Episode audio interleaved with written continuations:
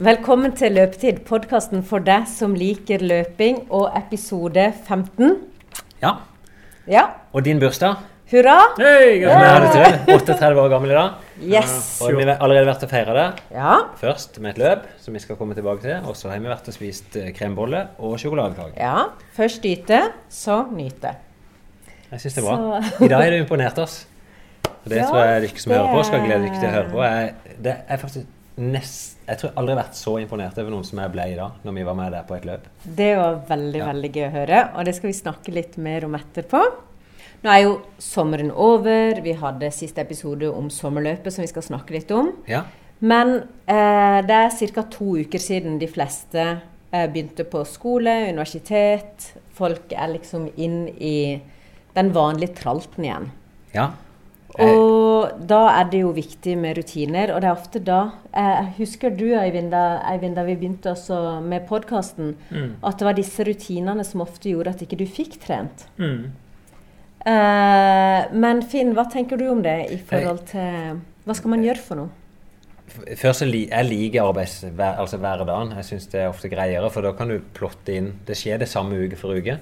Eh, Det er lett å planlegge, og, det er nok noe som Eivind skal kjenne på nå. At eh, med en treningsplan, det vi setter opp og skal gå gjennom etterpå, så er det Jeg tror det er lettere når du først er bestemt det.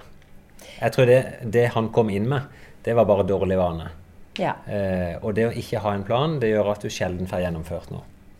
Ja, det som, er litt, det som er viktig, da, det er jo å være tro mot sin plan, og ikke at ikke treninga er noe som man kan velge vekk. Ja, og derfor når vi planlegger trening òg, så vi begynner ofte med å se på hvordan ser uka di ut, faktisk. Hvilke da er det mulig å skvise inn nå? Eh, vi har ikke gjort det nøyaktig med Eivind ennå. Vi har sagt hvilke økter som man må ha for å klare å gjennomføre noe. Og så skal vi gå inn og se no, hvilke konkrete da er det som passer. Det er aldri lurt å tenke at det finner jeg ut av etter hvert. Nei. Da hoper det seg ofte opp, og så blir det veldig tøft på slutten av uka. Mm. Men jeg tenker bruk den rutinen til å lage, altså få en god uke med trening. Eh, og hva vil du si at uh, ei, ja, ei god uke med trening er, da, for en uh, Ja. midt på treet? Ja, det er så vanskelig. Altså, for det Noen kommer til meg og sier de trener kjempemasse. De trener regelmessig, og så trener de én gang i uka. Og så vet jeg sjøl, så trener jeg to økter om dagen og på vei mot uh, Berlin Maraton. Eh, begge deler kan være rett, og begge deler kan være eh, liksom feil og mye og lite. Så. Men hvis det er utgangspunktet jeg sier tre økter i uka, da begynner det å bli bra. Jeg syns to økter er litt lite. Eh, Da er det vanskelig å få noe framgang. Du, du klarer å vedlikeholde litt med to økter, men tre økter bør du ha. Og så, sånn som Eivind, som skal til New York og springe maraton, så syns jeg han skal gå nå på fire. Gjorde ikke det på begynnelsen, men når det nærmer seg maraton, det er jo bare ni uker igjen, så må du steppe litt opp. Mm. Ja. Eh, og så er det jo, eh, Vi har snakka mye om det, men det kommer så an på målet ditt. For hvis målet ditt er prestasjon, så må du prioritere økter som hever nivået ditt. Hvis, hvis det bare er snakk om helse, så kan du gjøre andre ting. Da kan du gjøre økter som kanskje er å gå tur i skauen istedenfor. Så ja, vi Ja. snakker jo mye om dette. Mm. Men det, er kanskje, det er jo uendelig forskjell på å gjøre noe og ikke gjøre noe. Mm. Og det er jo du et kjempegodt eksempel på sjøl. Altså. Altså det vil si, Du har jo trent før, men du har ikke trent kondisjon. Og nå som du bare meldt deg på litt, så ser du at du har fått en enorm framgang. Mm. Ja, det er veldig Det, gøy. ja, det, jeg kommer til å bruke det òg som eksempel til folk, og lite som skal til for å oppnå dramatisk endring. Mm. Ja. Um, men du, siste episode var jo egentlig bare en kavalkade fra sommerløpet. Eh, så skal vi gå litt mer inn i hvordan, hvordan var sommerløpet da, for deg som arrangør. Eivind som var med å løpe halvmaraton, jeg løp fem kilometer. Hvordan kan vi Jeg, jeg syns i hvert fall vi begynner å få en form på den dagen som gjør det til en folkefest. og en det, jeg opplever da at folk har det veldig gøy når de kommer ned der. Vi begynner nå å klare å senke terskelen. At det, det er ikke de gode løperne som er der, men det er hvermannsen. Vi ser vi får flere bedrifter. Vi hadde 500 bedriftsløpere i år som var med og sprang. Masse sånne nabogjenger som bare utfordrer hverandre og trent regelmessig mot dette. Men så er vi bare Det var 2000 betalende pluss 1000 barn, altså 3000 totalt. Jeg drømmer jo fortsatt om 10 000 løpere her i byen. Og det er det vi jobber videre for nå. ja. Um, og da har vi, vi har hatt eva første evalueringer nå, og så prøver å liksom finne ut hva er det som skal til for å få de vanlige folkene opp av stolen. Og, og, jeg kan si Noen av de tingene vi ser på, da, det er f.eks. det med tidtaking, som vi vet at det stresser en del. At uh, folk syns, eller mange syns ikke det er behagelig å få tida offentliggjort. Og det kan vi gjøre noe med. Det er et, et enkelt grep på påmeldinga det å si at jeg vil ikke at tida mi skal bli offentliggjort. Men du kan likevel få den på SMS hvis du ønsker det. Mm. Så vet vi at uh, for noen så er økonomi en terskel. Altså Når vi lager en sånn fest, så koster det oss ganske mye penger. Faktisk med 2000 betalende løpere så er det sånn at vi akkurat klarer å gå i pluss. Um, men startkontingenten på maraton f.eks. er ganske høy. Så vi prøver å finne grep. Kan vi kanskje få det offentlige med oss nå til å sponse eh, skoleelever eller eldre? Eller kan vi få næringslivet til å sponse folk som ikke er midler? Eller om det er folk som er inne på institusjoner, at uh, vi kan få folk til å spytte i for å få de med oss. Mm. Uh, så jeg tror det er masse å gå på. Og vi ser òg akkurat denne bindinga mot løp og fest. Den, den, er ganske god for mange. Og òg løp og bad. sånn at uh, vi kommer til å lage pakker større rundt det. At uh, du kan komme til Kristiansand med bagasjen på ryggen. Du leverer den inn, du, bad, altså du springer, du bader, du er på fest og spiser. Og så når du skal gå, så får du bagasjen tilbake. Mm. Det er i hvert fall litt sånn vi tenker. Så, men alt i alt veldig fornøyd med løpet, altså. Det, og vi får gode tilbakemeldinger på det. Ja, for jeg var jo med for første gang, og løp jo bare det eh, fem kilometer. Men fikk med meg følelsen rundt og det å være en del av noe. Ja. Eh, for det om det regnte og alt mulig sånn, så folk som var nede i Tresse og gikk rundt, folk spurte hva har du løpt, skal du løpe, åssen gikk det? Eh, det var en veldig stemning rundt, en følelse av å være deltaker ja, det er godt å høre. Jeg kan si det var én ting vi bomma på. det var Jeg har fått noen tilbakemeldinger før på liksom, litt på pris. Vet Noe av det som driver pris, det er medalje. Og så har jeg tenkt at når folk er med på dette, så trenger de ikke ha en medalje. Mm. Um, og vi kjøpte inn finisher-lue. da, Det kosta oss enda mer det. Stilige lue som du kan vrenge, både blått og rosa, og så står det finisher på. Uh, men det skapte fort reaksjoner når vi gikk ut og sa at vi bytta medaljer med dette. Og jeg skjønner det godt, for det, det, segmentet vi prøver nå, er jo folk som aldri har vært på den arenaen før. Og de ønsker å få den anerkjennelsen med en medalje når de kommer i mål. Ja, Folk vil ha medalje? Ja, de vil faktisk det. Eller, oh. jeg ser faktisk for det at løperne er jo vant Altså, de trenger ikke den medaljen. Men de vi prøver nå her, det er folk som syns det er en prestasjon å komme gjennom fem kilometer eller ti kilometer eller en halv maraton. Sånn som Eivind er. Det er jo en prestasjon, vil jeg si. til Ja, det, det er en prestasjon. Men, men den, liksom, det symbolet på at du er fullført nå, mm. den ser jeg Heldigvis, da, så skaffa vi medalje i tide uansett, så alle fikk medalje. Ja. Eh, men sånne, så, sånne, ting, da, det mm. kan bety mye for folk. Ja. Så det blir medalje i 2018. Definitivt. Bra. Men eh, ja, så sommer, nå skal sommerløpet være da i 2018? Det, ja, det blir samme helga neste år. Så blir det 18. august i 2018. Så påmeldinga er faktisk åpen. og hvis de som lytter på nå, da, så har vi et tilbud ute at eh, hvis du melder deg på i august, så får du 50% hvis du får med deg en kamerat på Oi. billetten. Ja, det er jo kjempekult. Men ikke hvis du gjør alene. Og det, det, er jo for at vi kan nå litt flere. At mm. Tanken er at uh, mm. du kan få med deg venninne som normalt ikke hadde vært med på sommerløpet. Mm. Ja, kanskje jeg har en idé der. Jeg, jo, jeg, sa jo det på siste episode at jeg skulle løpe 10 km til neste år.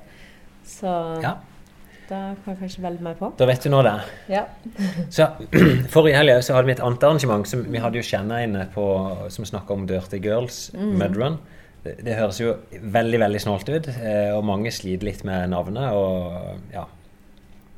Men der fikk vi altså 650 jenter som var og sprang et gjørmeløp uten tidtaking for meg som løper er det jo litt sånn absurd. liksom få stille opp i et løp som ikke er tidtaking? Men det er noe som faktisk slo veldig godt an.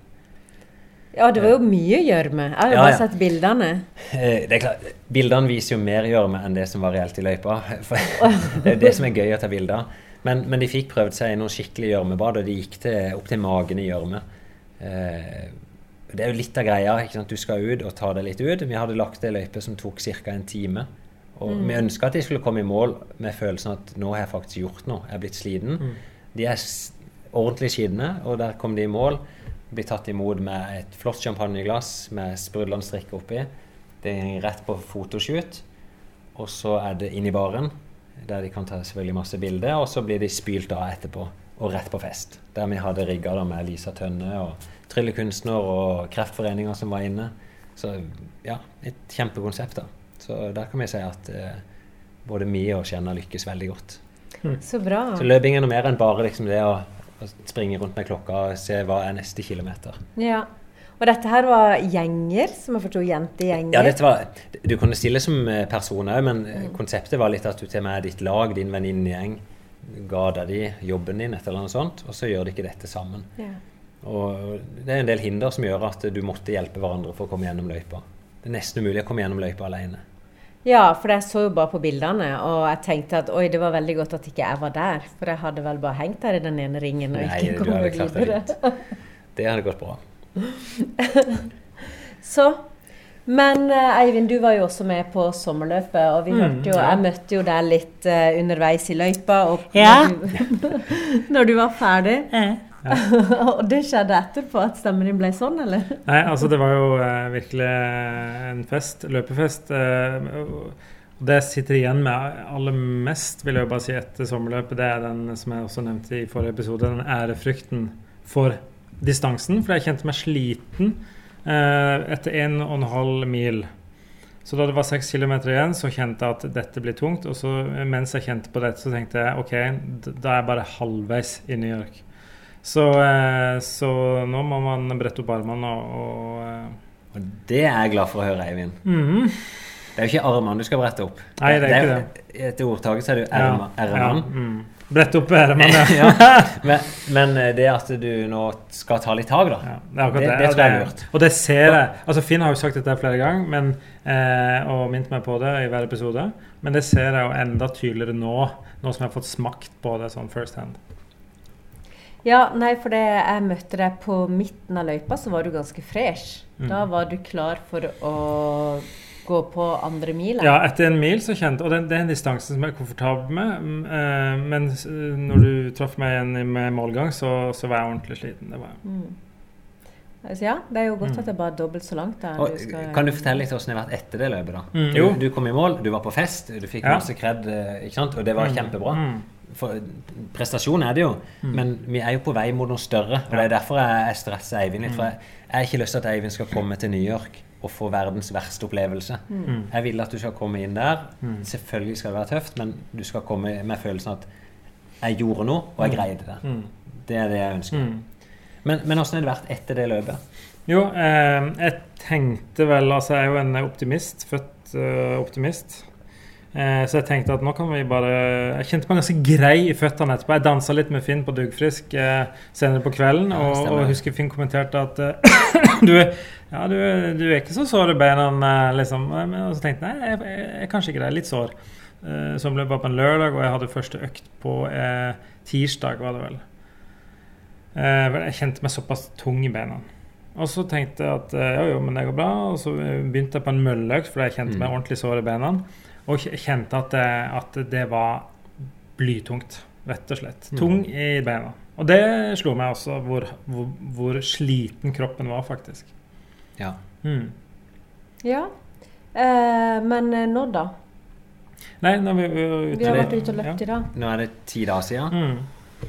Ti dager siden, og jeg kjenner meg fortsatt eh, ikke, ikke så tung som jeg kjente meg på tirsdagen etter eh, sommerløpet, men, men fortsatt eh, eh, ikke helt restituert, vil jeg tro. altså. Nei, og det, det er helt vanlig. Mm. Jeg er jo en sånn tommelfingerregel som jeg nevnte før, at eh, hvis du tar deg helt ut av en konkurranse, Mm. så kan du bortimot re eh, regne én dag rolig for hver kilometer du har løpt. Sånn, hvis du løper en ti kilometer, så gjenger det nesten ti dager før du er helt klar igjen. Jeg løpte en halvmaraton, så gjenger det nesten tre uker før du er ordentlig restituert. Mm. Det er jeg glad for å høre. Ja, ja, men det er sånn. Og jo bedre trent du er, jo fortere gjenger du det. Ja. Og jo dårligere trent du er, jo lengre tid vil det gå. For, for det er noe med nedbryting og Mm. tida det til å bygge opp. Mm. Og, og Derfor er det ikke noe poeng for Eivind å stresse og komme i gang med den gode treninga før kroppen er restituert. Mm. Men det betyr ikke at man skal Stoppe. Nei, nei, for det blir dilemmaet her. Mm, Hvis du stopper helt opp, så mister du samtidig òg muskulatur, styrke. Mm. Eh, så du må vedlikeholde med den rolige treninga. Mm. Men vi dropper alt som er hardt. Så det å springe den timen rolig da, eh, det funker helt greit. Og det er ikke sånn at du i morgen er helt ferdig igjen. Mm. Men hadde du gått på intervall på intervall nå, så vil du sannsynligvis merke at du ble svakere og svakere og svakere Mm. istedenfor å bygge deg opp. Mm. Mm. Og det er jo det som er litt sånn der fingerspitzgefühlen med å være trener eller utøver. Ja. Det å kjenne når er det du faktisk har effekt av trening. Ja. Mm. Og det er jo litt det som er med overtrening, er det ikke det? Ja, det er det. Noen trekker jo dette så langt at de, de slutter etter hvert å kjenne etter. Eh, det gjelder ikke så ofte for mosjonister, men noen havner i den fella òg. At det, etter hvert som ting begynner å gå bra, så, så blir det en sånn der eh, mani til slutt. At du gjør den neste intervalløkta selv om det gjør vondt. Ja, At det, Eh. du glemmer å kjenne etter, rett og slett. Ja, og det vi ofte ser da, at eh, prestasjonen går gradvis ned, selv om de bare legger inn mer og mer trening. Og det er uhyre vanskelig for oss trenere da å gå inn og få utøveren til å bremse. For det at utøveren vil ofte få et, sånn, eh, et inntrykk av at den trener for lite, eller trener ikke hardt nok. De det ofte med følelsen at ja, men jeg pusher på, men jeg er så sliten, så jeg må bare gjøre neste økt enda tøffere. Eh, og der er det liksom, Da må en få utøveren til å sette på bremsen. Og heldigvis, Jeg treffer jo Eivind hver dag, kan snakke litt med han, gi noen Mm. kommentarer, gi han den lille tryggen på at det er greit å ta noen dager fri. Mm. Eh, men jeg Så- tenker, eh, for du er jo på en måte din egen trener også. Ja. Eh, og åssen er du i forhold til det? Nei, det er vanskelig. Det er eh, Mm. derfor, For min del så prøver jeg òg å teame opp med noen av mine kamerater som òg er i trening, der vi snakker med hverandre. Og da gir du hverandre ofte sånne kommentarer at mm. for meg så høres det ut som om du kanskje burde ta fri. Den kommentaren kan jeg jo få. Ja, Så- for det, det er liksom sånn i forhold til skade, så er du ikke så god til å kjenne etter. Du kjører på eh, Ja, det er ikke helt rett når du sier at ikke jeg kjenner etter, for jeg kjenner etter. Men jeg, jeg tenker sjøl at dette er en veldig kalkulert risiko. For det er jo det jeg har sagt, at hvis jeg skal prestere det jeg har satt meg som mål da, i, i Berlin Marathon Det er et veldig hårete mål. Hvis jeg da begynner nå å ta hensyn til skaden, så er det for kort tid til at jeg rekker liksom å kurere den og få trent nok. Mhm. Så derfor gambler jeg på at den skaden ikke vil slå meg ut. Så da trener jeg nok. Så jeg trener som om alt er greit. ja, Og så håper jeg at ikke den skaden blir verre. i Og jeg holdt den i sjakk. Og Ja. jeg har klart å springe se mellom 13 og 16 mil i uka. Men med en del vondt. Ja. Vi får eh, spare opp til en rullestol, da. Ja. Ja, det må, det må sikkert Det må i hvert fall jeg ha. Det som er der, ikke sant, at det vil kun gå utover meg sjøl. Mm. Mens hvis jeg hjelper andre, så er det veldig sjelden at jeg vil anbefale det som jeg har gjort nå. Mm. Og det er selvfølgelig en sånn, litt sånn dum sak med å være sin egen trener. Mm. Ja. Men, Eh, men jeg, det, dette diskuterer jeg med mange av utøverne mine. For det, skal du bli virkelig god, så må du trene to økter om dagen. Det, det, det må bare ligge der hele tida. Du må ha et stort volum. Så hvis du kjenner for mye etter, så blir du ikke god nok. Men så går det liksom akkurat det balansepunktet der at hvis du blir overtrent eller skada, så blir du heller ikke god. Så dette er sånn en knivsegg da, som i hvert fall toppidrettsutøverne balanserer på. Og da kan jeg si at jeg, jeg ligger vel så nærme definisjonen toppidrettsutøver da, at jeg ligger og balanserer der i perioden nå. ja. Ja, og man kan jo Eller sånn sunt, ikke sunt.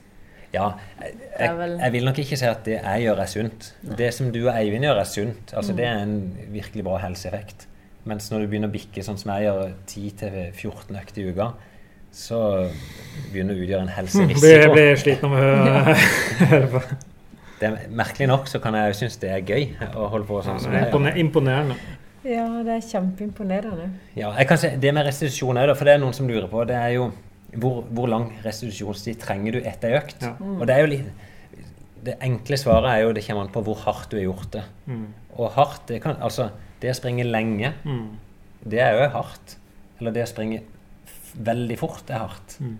Eh, Så, så der må en jo lære seg litt å kjenne hva er det, hvor, hvor lang tid er det før beina begynner å fungere igjen.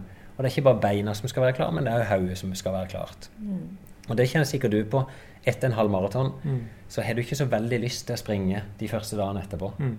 Det, for du er mentalt sliten. Mm. Ja. Jeg kjente på det. Det, det, det gjorde jeg. Mm.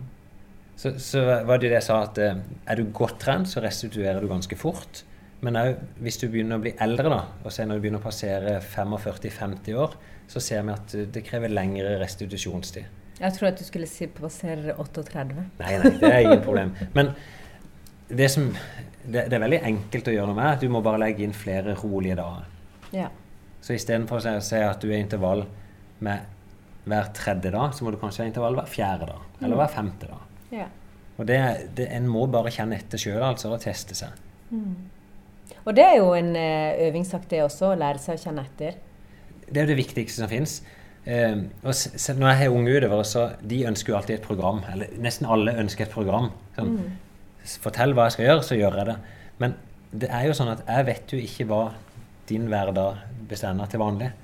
Og det kan godt være at du er sliten, det kan være du er i mensen, det kan være at du er i en forferdelig situasjon hjemme som gjør at du faktisk ikke burde gjøre den økta som sto på planen. Så jeg prøver jo å lære utøverne til å si at ok, her er prinsippene, og så må vi tilpasse dette inn i ditt liv. Ja. Det er optimalt. Mm. For de beste utøverne i verden òg, de har jo et program, men de har en trener som er så tett på og stiller spørsmål hele tida. De står og ser på OK, nå ser jeg at du er sliten. Da gjør vi en liten justering. Ja, det er jo veldig viktig å kjenne etter. Og, men av og til så er det jo sånn der, så er det jo noen av oss som er veldig som kjenner så godt etter at vi finner ting som kanskje ikke er så reelle. Og det må du ikke gjøre. Nei. nei. nei. Så, Du må tørre å, å gå gjennom litt kratt. Det må ja, du gjøre. så jeg har jo vært litt sånn der akkurat nå kjenner jeg at det å løpe intervall ikke passer meg, men idet jeg begynner, så går det jo helt fint. Det er jo kjempe. Mm. Så, Eh, For jeg tenkte, Vi skal jo inn og se nå er, Kanskje noen av lytterne har fått med seg at Eivind slurver av og til litt med treninga. Eh, Ja. Til og med han hører ikke på podkastene vi har funnet ut. Ikke alle, nei. Nei. Det fikk han det- bokstavelig talt blø for. På, Ja, det var vel, vel fortjent. Så når jeg printa ut den artikkelen som vi snakka om i, i forrige, altså episoden før sommerløpet, Mm. som er trening mot et maraton eh, Den har jeg fått i hånda. Eh, kan, jeg kan jo legge den ut på løpetid, så kan folk få, få se den artikkelen. Mm. Eh, den skal han lese nå. Jeg tror det allerede er begynt. Mm. Og så Det er ni og en halv uke til New York Marathon. Mm. Og reelt sett da så kan vi tenke at det er åtte uker trening. Ja. Og siste halvannen uken, da kan vi ikke Da er det liksom å hvile seg klar. Det er ikke helt fri, altså, men, Mm. men da, da, da er det ikke trening for å øke kapasiteten. Da er det for å få overskudd. Mm. Og han skal trene fire økter i uka. Han skal ha en Det viktigste nå, ikke sant Han må trene seg til å holde ut lenge nok. Så den viktigste økta som han må prioritere, det er at hver andre uke Eivind, så må du ut og springe to timer eller mer. Mm. Eivind skal tross alt holde på i fire timer i New York, kanskje enda lengre. Mm.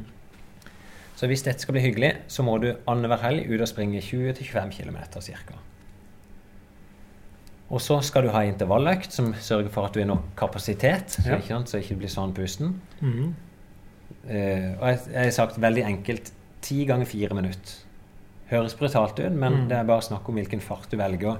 Anna har jo vært et forbilde. Du har løpt åtte og ni ganger fire minutter på trening.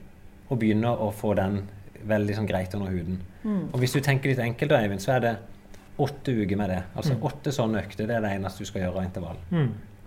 Og så de to andre øktene i uka, det er én time rolig. Mm. Og det er jo det som står i artikkelen her. Hva er det vi prioriterer? Løping.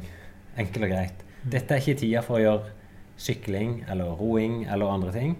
Det må løpes. For du må herde beina dine, vende hodet ditt til dette, og så slett lære deg bare til å holde ut. Og da blir du kjent med skoene dine, du blir kjent med løpetøyet, og så kommer du til å være mer og mer fokusert inn mot New York Marathon. og brystene dine. De Ja, skal de, teipes opp. De teipes av. Det er på med manbra. Det er jo ikke noe spesielt med brystene til Kanskje han er litt, sånn, litt utstikkende brystvorte, men det er mange som er det. Men det er bare en liten teip over Ja. det. Mm. Noen er det nok med bare litt vaselin. Det tipset vi ikke kommet til ennå. Men når du skal inn og springe maraton, så bruker jeg ofte vaselin i armhulene, i skrittet, Mm. og f.eks. på brystvortene. Eller på føttene. Det er veldig space å høre på, syns Kan ikke du lese dette, Eivind? Skal jeg Og så begynner vi å følge dette. Du er åtte uker som skal gjøre dette.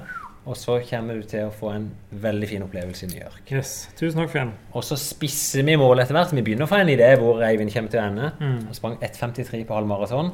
I mitt hode så begynner du å nærme deg fire timer. Mm. Så er du selvsagt fem. Mm. Med andre ord, jeg bør ligge på fire. Nei, det, jeg, jeg, det, du, du kan ha begge tankene. Ja, ja. For det at eh, hvis alt går etter planen, Mm. så kommer du òg til å si fire. Men Mm. hvis ikke du klarer å holde planen, så er det jo ikke noe vits å tenke på det. Da skyver vi det. Mm. Men jeg ville, Dette er motiverende. jeg ville nok tenkt at gjør du dette som er Ja. satt opp på skjemaet ditt, så kan du se 3.59 59 i New York. Det, yep. det er stort. Det, Det hadde vært fantastisk. det viktigste er å komme til målet og føle at du faktisk hadde en positiv greie ut av det. Mm. Du, eh, så jeg fikk jo en telefon fra deg, Arne, at eh, du skulle være med på Bongaløpet. det, har- jeg aldri hørt om. Men dette er altså et løp eh, bort på den videregående skolen der du er lærer. Og der det er kanskje jeg vet ikke, 400-500 elever. Ja, det er faktisk over 1000 elever. Oi, ja. Eh, og det, jeg tror vi så de fleste av de bort på det som heter Tangen i dag. Og det var innsamlingsaksjon til Tanzania, var det ikke det? Ja. Til en eller annen skole eller noe En oppbygging der borte. En skole for jenter i Tanzania. Ja. Og der det handler om å fullføre flest mulig runder på én kilometer i løpet av én time. Og da sa du endelig, når jeg har funnet mitt løp, eh, det er her jeg skal debutere med startnummer på brystet. Så Ja. da stilte jo meg og Eivind opp sammen med deg. Og det skal jo folk få høre nå åssen det gikk. Eh, allerede sagt at vi ble sykt imponert. Det, det var Ja. Jeg var overvelda at du Jeg visste ikke at du var i så god form. Nei, ikke jeg heller. Men skal vi gå inn og høre, og så skal vi oppsummere litt etterpå? Ja. Ja, supert.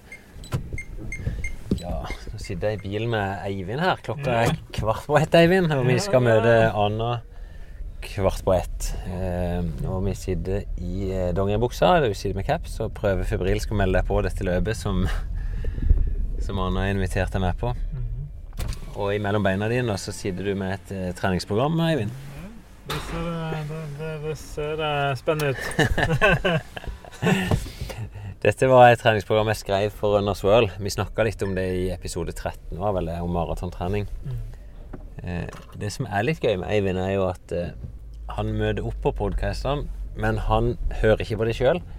Og han leser ikke noe av det vi skriver.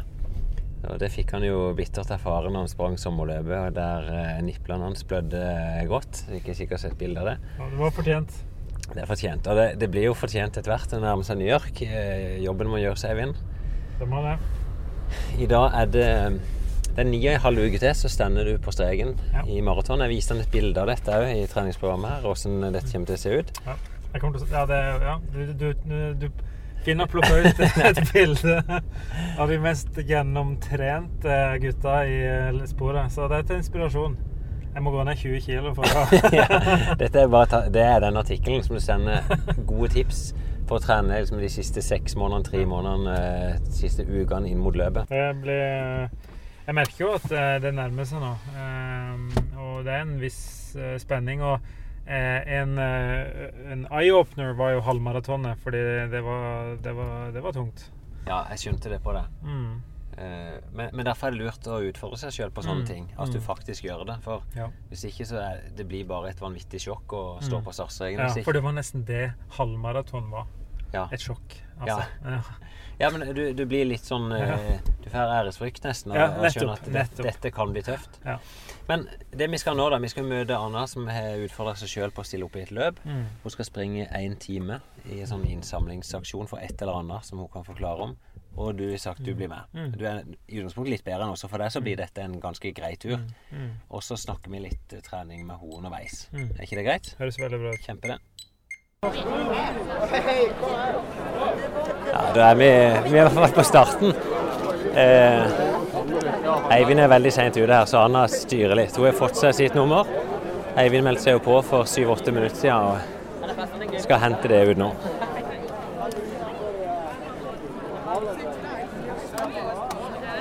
Mens han eh, ja, får på seg nummer, hva er opplegget her, Anna? Nei, opplegget er jo at Tangen har en eh, sånn innsamling Tangen. Alle i Norge vet hva Tangen er. Nei. Tangen videregående skole, som er min jobb. Ja. Eh, som eh, Ja, vi ligger jo i Kristiansand, da. Og så samler de inn penger til Tanzania. ja. Til en skole for eh, jenter mellom 16 og 19 år, tror jeg det er. Som trenger en litt sånn ny start på livet, da. Så i år så er det første gangen de arrangerer det som heter Bonga-løpet. ja. Og det det går ut på, det er at eh, elevene skal løpe i én time. Ja. Og så har vi sånn chip da, som registrerer hver gang du har løpt én kilometer. Ja. Og så kan du finne sponsor som betaler for hver, hvert løp. For hver Og hvem er din sponsor, da? Nei, jeg har ikke noen sponsor. Å ja, er det kanskje meg, det, da? Så jeg tror du må sponse ja. meg. Hvor mye er det per kilometer? Eh, Så mye du vil. Ti kroner, kanskje? Jeg vet ikke hvor mye som er vanlig. Hvor mye vil du sponse meg Nei, med? jeg kan jo både for du og Eivind, da, så kan jeg Ja. ti kroner per løpte kilometer for Ja. hver av dere. Det er bra. Vi har fått sponsor, Eivind. Nei, nå er jeg blitt sponsor for dere. Eivind, du er jo med. Vi, vi hadde en liten intro i bilen òg. Ja. Men jeg følger jo bare på litt, jeg. Ja. Og så får vi se åssen det går. Men Jeg har egentlig venta på deg for å spørre deg om hvordan jeg skal disponere tida mi. Ja. Jeg er kjempenervøs. er du? Ja. Ja. Hva er du nervøs for, da? Jeg har aldri løpt en time i strekk i mitt liv. Ja, Så du, du frykter distansen? Ja. Kan i hvert fall, Vi skal ta litt underveis, da, men du vet i hvert fall at du skal ikke åpne for hardt. Nei, jeg må begynne veldig rolig. Så vi begynner som om du skal ut på en veldig rolig joggetur. Ja. Det er utgangspunktet. Så kan vi heller tenke at når vi passerer en halvtime, så kan vi kjenne litt hvordan det funker, og så se om du skal gjøre noe mer. ja. Men jeg skal legge fra meg mobilen. Ja.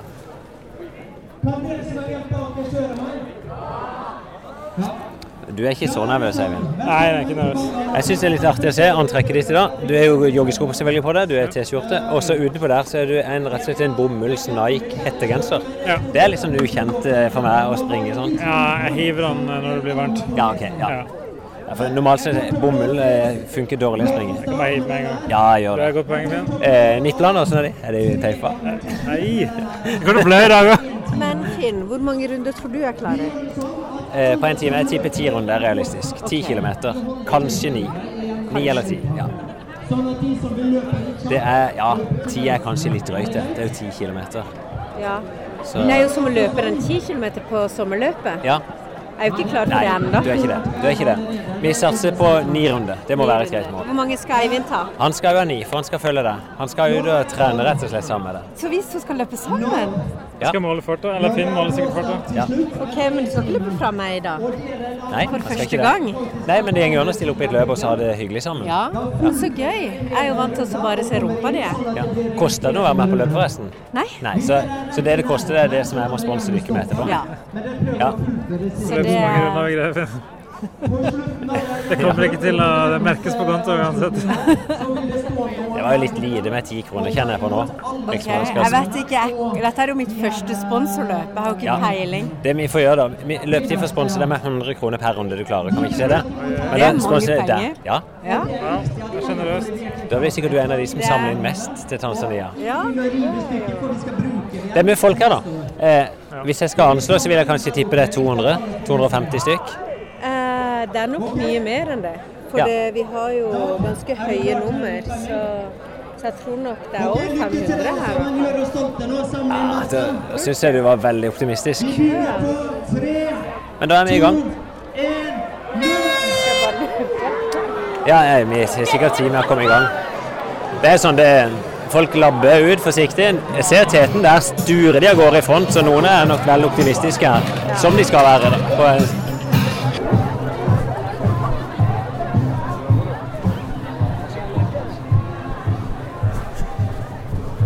Sånn. Ja, de fleste labber jo av gårde. Ja. Og du, du, er lærer til disse. Er det sånn at de kjenner deg igjen når de ser du springer forbi her? ja, noen av de gjør nok det. Noen av de kommer sikkert til å kommentere litt og sånn. Ja. Det er jo ikke så mange lærere som gidder å henge seg på. Nei, det skjønner jeg godt. Så Så er det jo litt sånn er det noen som labber med beina teipa sammen. Det er mange originale innslag i løypa. Men målet da i dag, for din del? Tenkte kanskje å ha som mål å løpe hele veien. Ja. Og ikke gå. Eller løpe litt saktere hvis jeg blir veldig sliten. ja. Føler du at den farten vi har valgt nå, at dette er sakte nok? Nei, jeg, syns det er litt fort. Ja, men da setter vi den farten. Det er litt sånn jeg prøver å tenke sjøl når Ja. jeg starter et løp, jeg prøver å se for meg liksom om 40 minutter er det realistisk å holde den farten fortsatt. Og hvis svaret er nei, så bare roer jeg dette ned. Men det er akkurat det vi opplever nå, som stresser meg litt. Ja. Ja, Det at det er så mange folk rundt og sånn. ja for du, føler liksom et jag da til å dra Ja. opp farta. Og jeg er redd for å løpe i veien for noen, eller at noen skal løpe i veien for meg. Nei, men det er bare å senke med skuldrene, og så bruker vi ti minutter på å komme i gang, som ikke det, og så høres vi igjen da.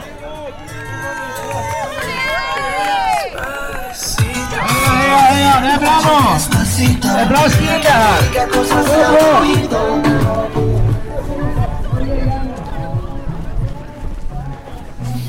Så der nå, er vi i gang. Vi løpt en kilometer første runde.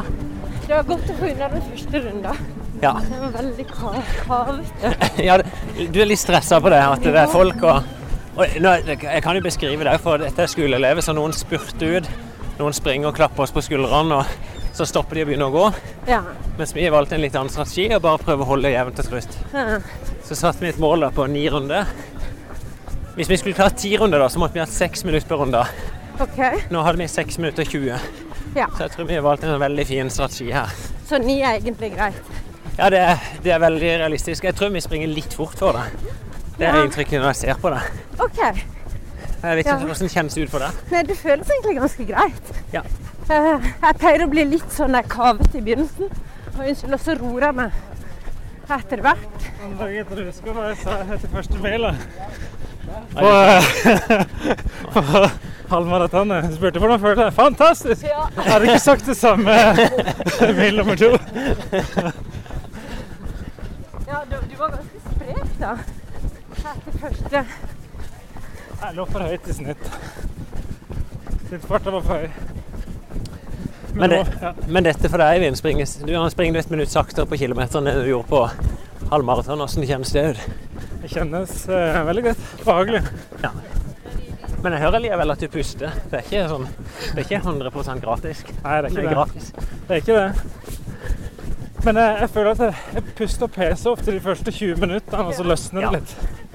Det er ofte derfor en varmer litt opp. Ja, det. Men det er klart det er lange løp. Nå skal holde på en time. Så det vil jo være bare tullete av deg å driver og varme opp til dette. Ja. For du springer såpass sakte. Vi ligger Det på var det ja.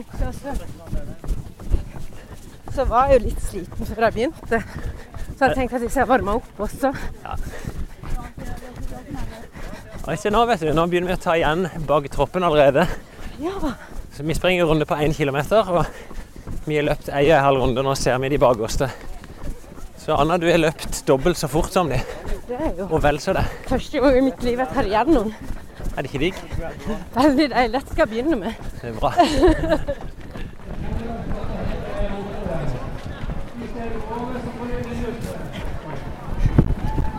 Nå er det litt tøft her, da. Når vi løpte i 56-57 minutter.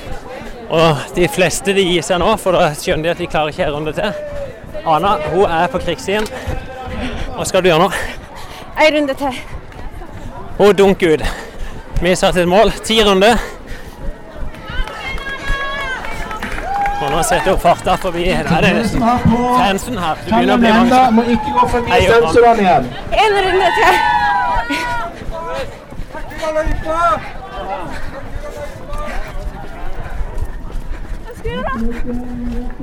Hold litt igjen. Dette gikk veldig fort nå. Trenger ikke hente ut alt. OK, du har faktisk løpt 9,8 km nå, Arne. OK. Vi har løpt i 57 minutter. Kan du beskrive litt hvordan det kjennes ut Nå er det tungt, men det Faen. Jeg Faen at skal ta den siste runde. Bra. Jeg vil klare det. Du greier det. Nei. De må bare blåse. Det gjør ikke noe. De blåser for tidlig. Det er kanskje forresten Ja, med det blåser elevene. for tidlig, faktisk. Ja. Men når du sier du skal faen meg klare det, hva er det som driver deg fram nå? Nei, nå er dette siste runde. Ja. Da trenger jeg ikke å løpe mer i dag. Og det er deilig. Nå pusher du ganske bra på. Ja. Du er faktisk løpt fortere hele veien. Du sa du sjøl følte at det gikk saktere, men du pusher deg sjøl mer og mer. Nå hører vi jo veldig tydelig at pusten din den, den er ganske godt. Det blir en fin treningsøkt for Eivind òg, dette. Ja, det er fint.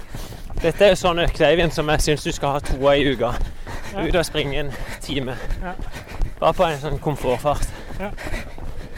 Da bygger du bare eh, kroppen i stand til å holde ut lenge. Men vi hører det foran oss, så er dette et tøft Ja. Jeg merker det nå. Oi.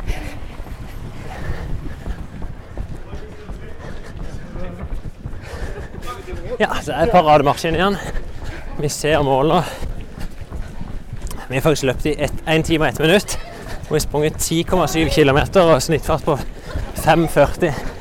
Og nå er det med ikke med modig blikket, men veldig fokusert.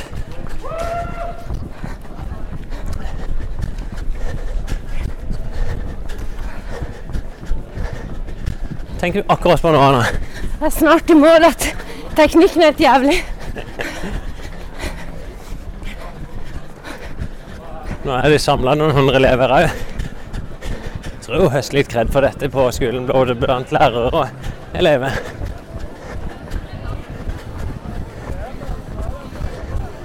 Og gasser på oppover her. Ja, det er bra.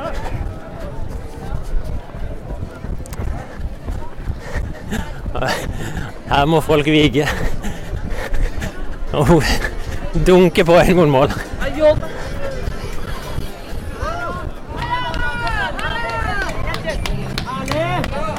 Og der. OK, Anna. Hun kjører seg helt tom.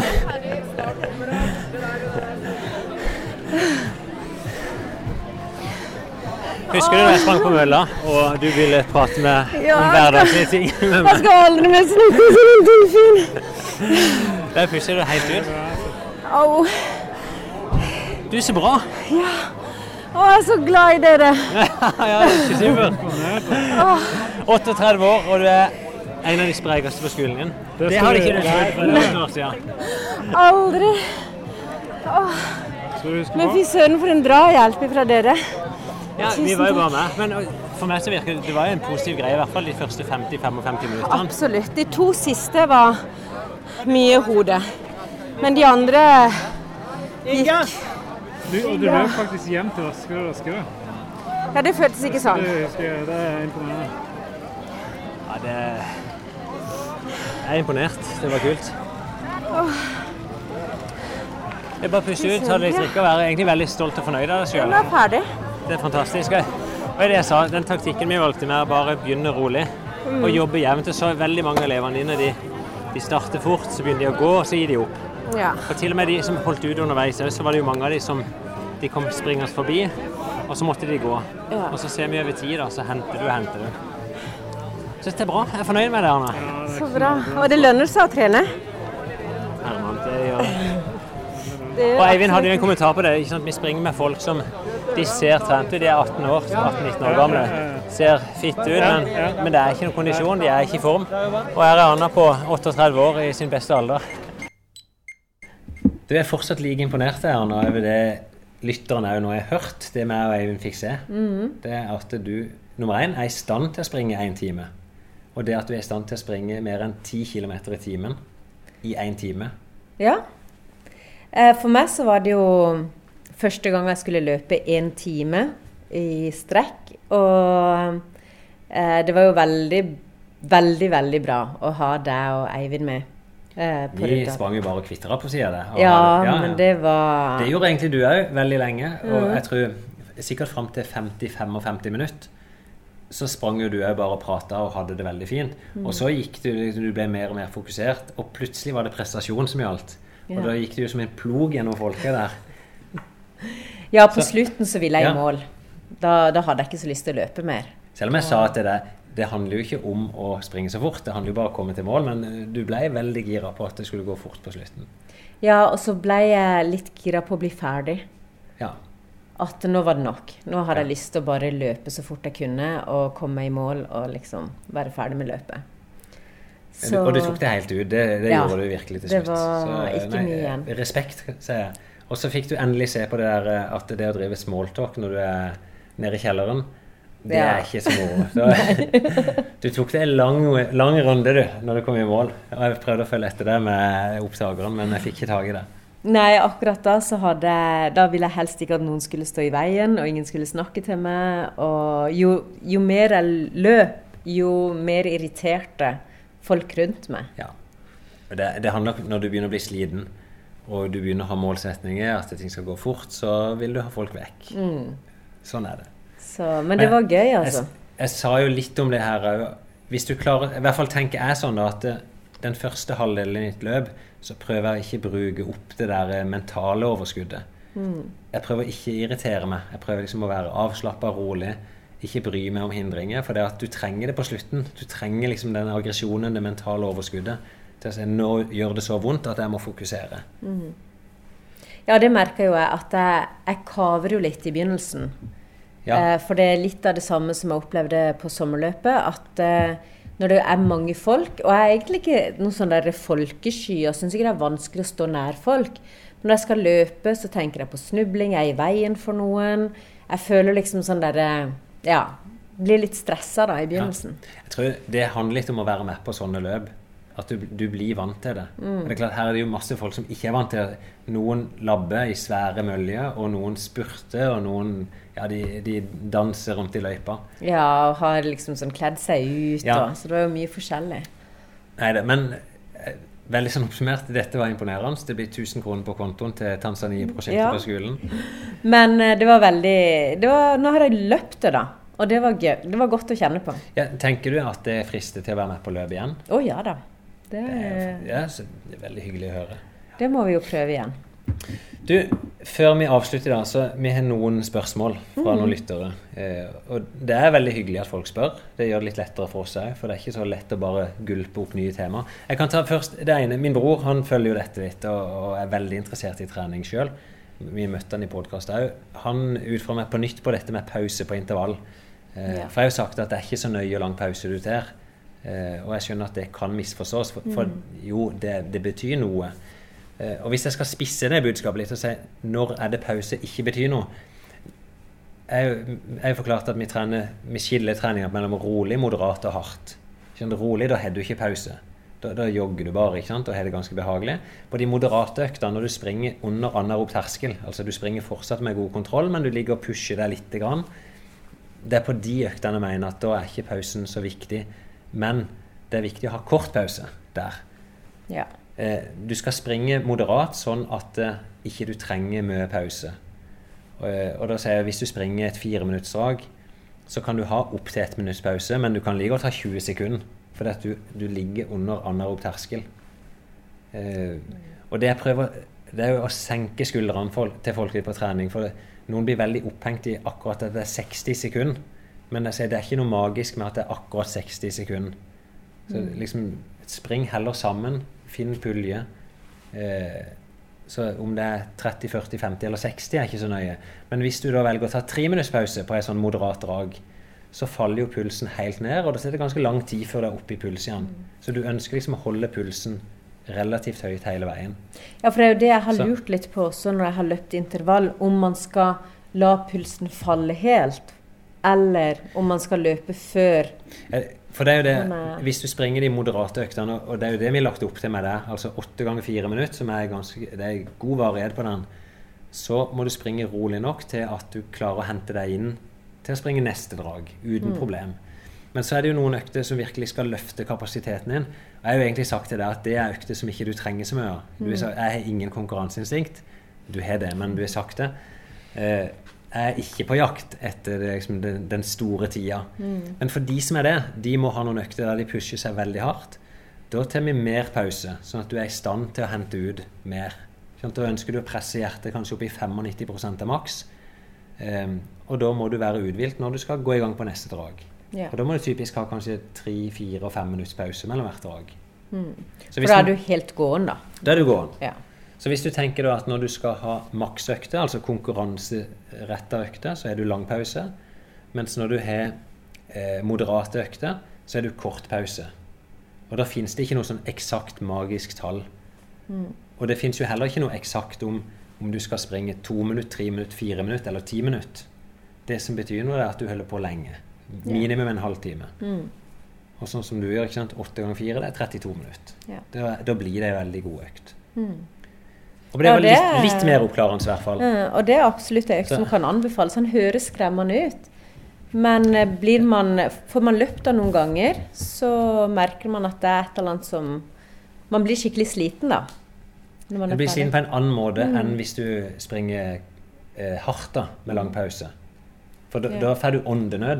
Du, du Mm. kjenner at det er vanskelig å få ned nok luft. Du, Og så har vi eh, en mann oppe fra Tromsø. Han sier han er mann, 36 år, veier 120 kg. Tidligere aldri likt å løpe. Og så meldte han seg på Midnight Sun Marathon i fjor. Som er, det er litt som sommerløpet. Du er 10 km, halvmaraton og maraton. Um, og da sprang han på 1,25, veier 120 kg. Imponerende. Um, og så selvfølgelig, sånn som det alltid blir, så har han satt seg nye mål.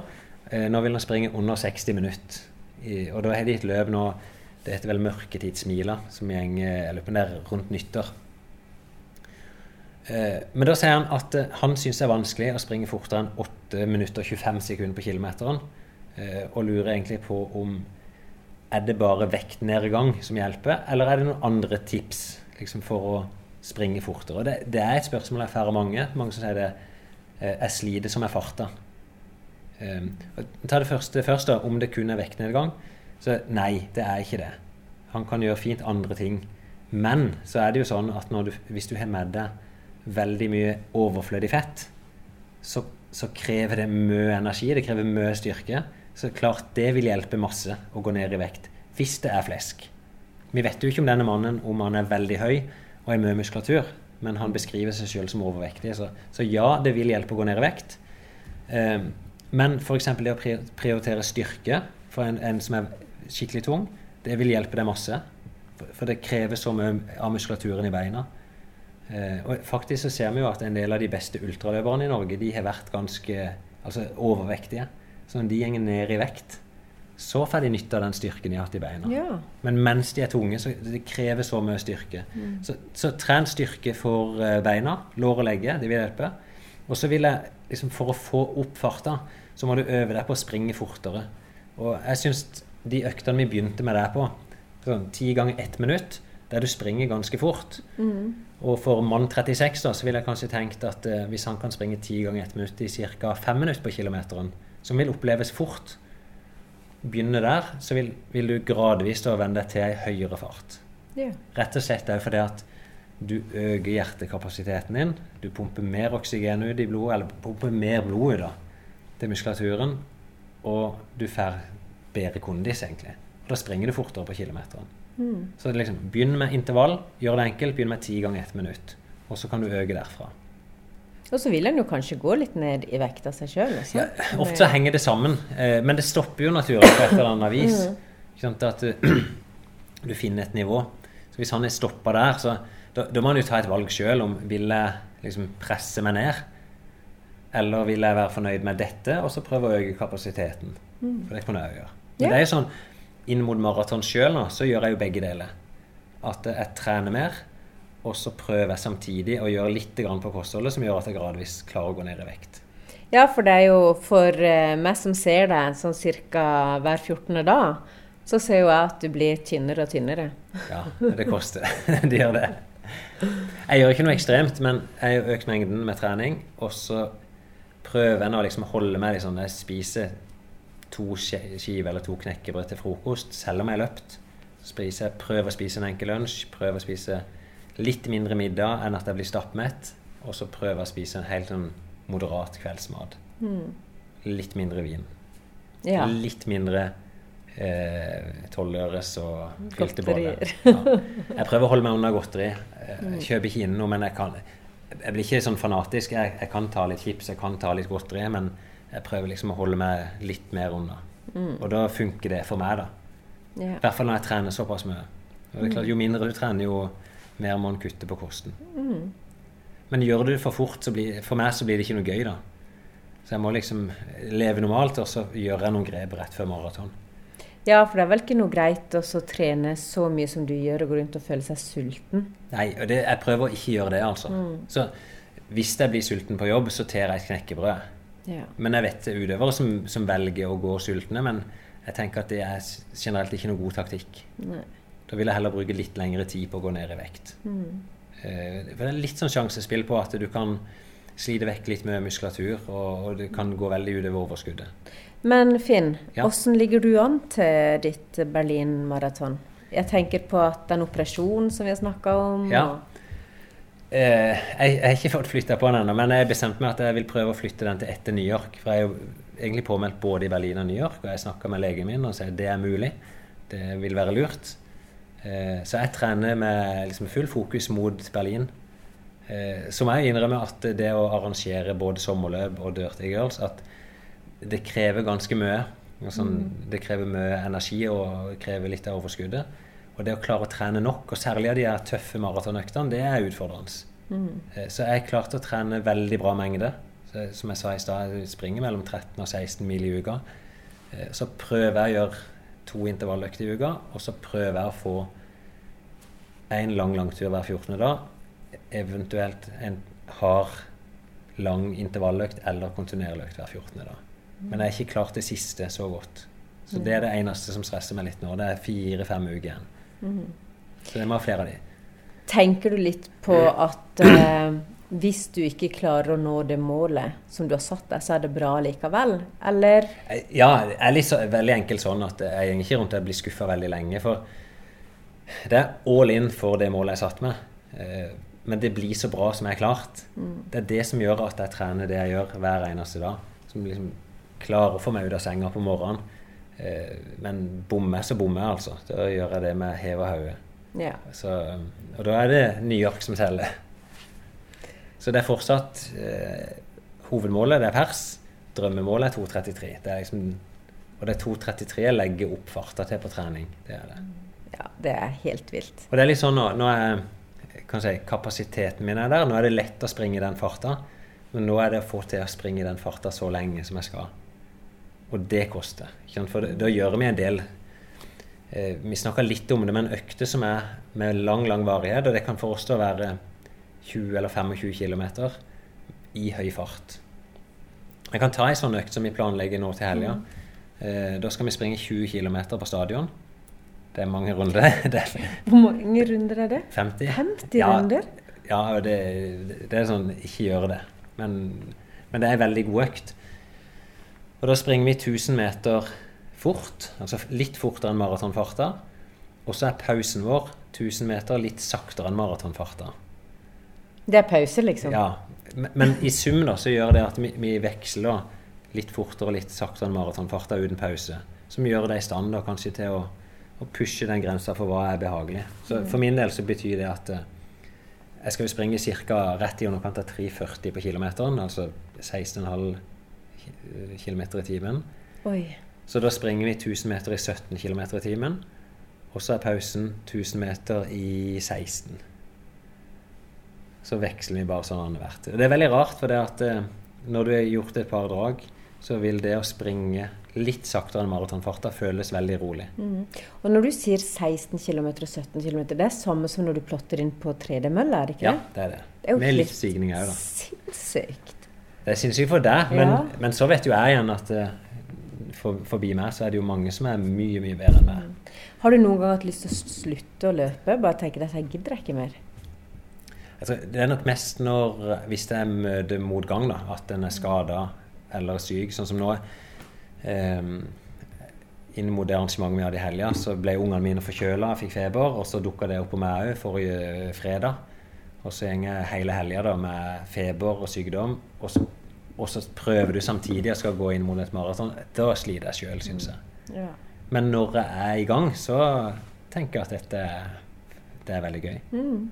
Det, er mange, det, er mange, som spør liksom, om jeg kaster vekk tida, eller er det ikke bortkasta? Men det er jo ni av ti økter så springer jeg sammen med vennene mine.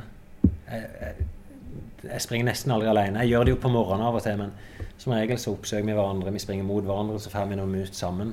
Og jeg sammenligner det med at når venninnegjengen på tur. Mm. At uh, du får i hvert fall litt sånn, en arena der du får prate og lufte veldig mange ting. Mm. Ja. Nei, det er veldig imponerende. Kjempefint. Du, til slutt, da. Jeg kan ta mannen 36 fra Tromsø, han som vi snakka om i stad. Han lurte jo litt på det med sko. Uh, for han sa han hadde fått noen tips. Når han begynte å trene, så var han på løpelab og fikk noen tips om å bruke stabile sko med, med litt ekstra støtte, for han overpronerer.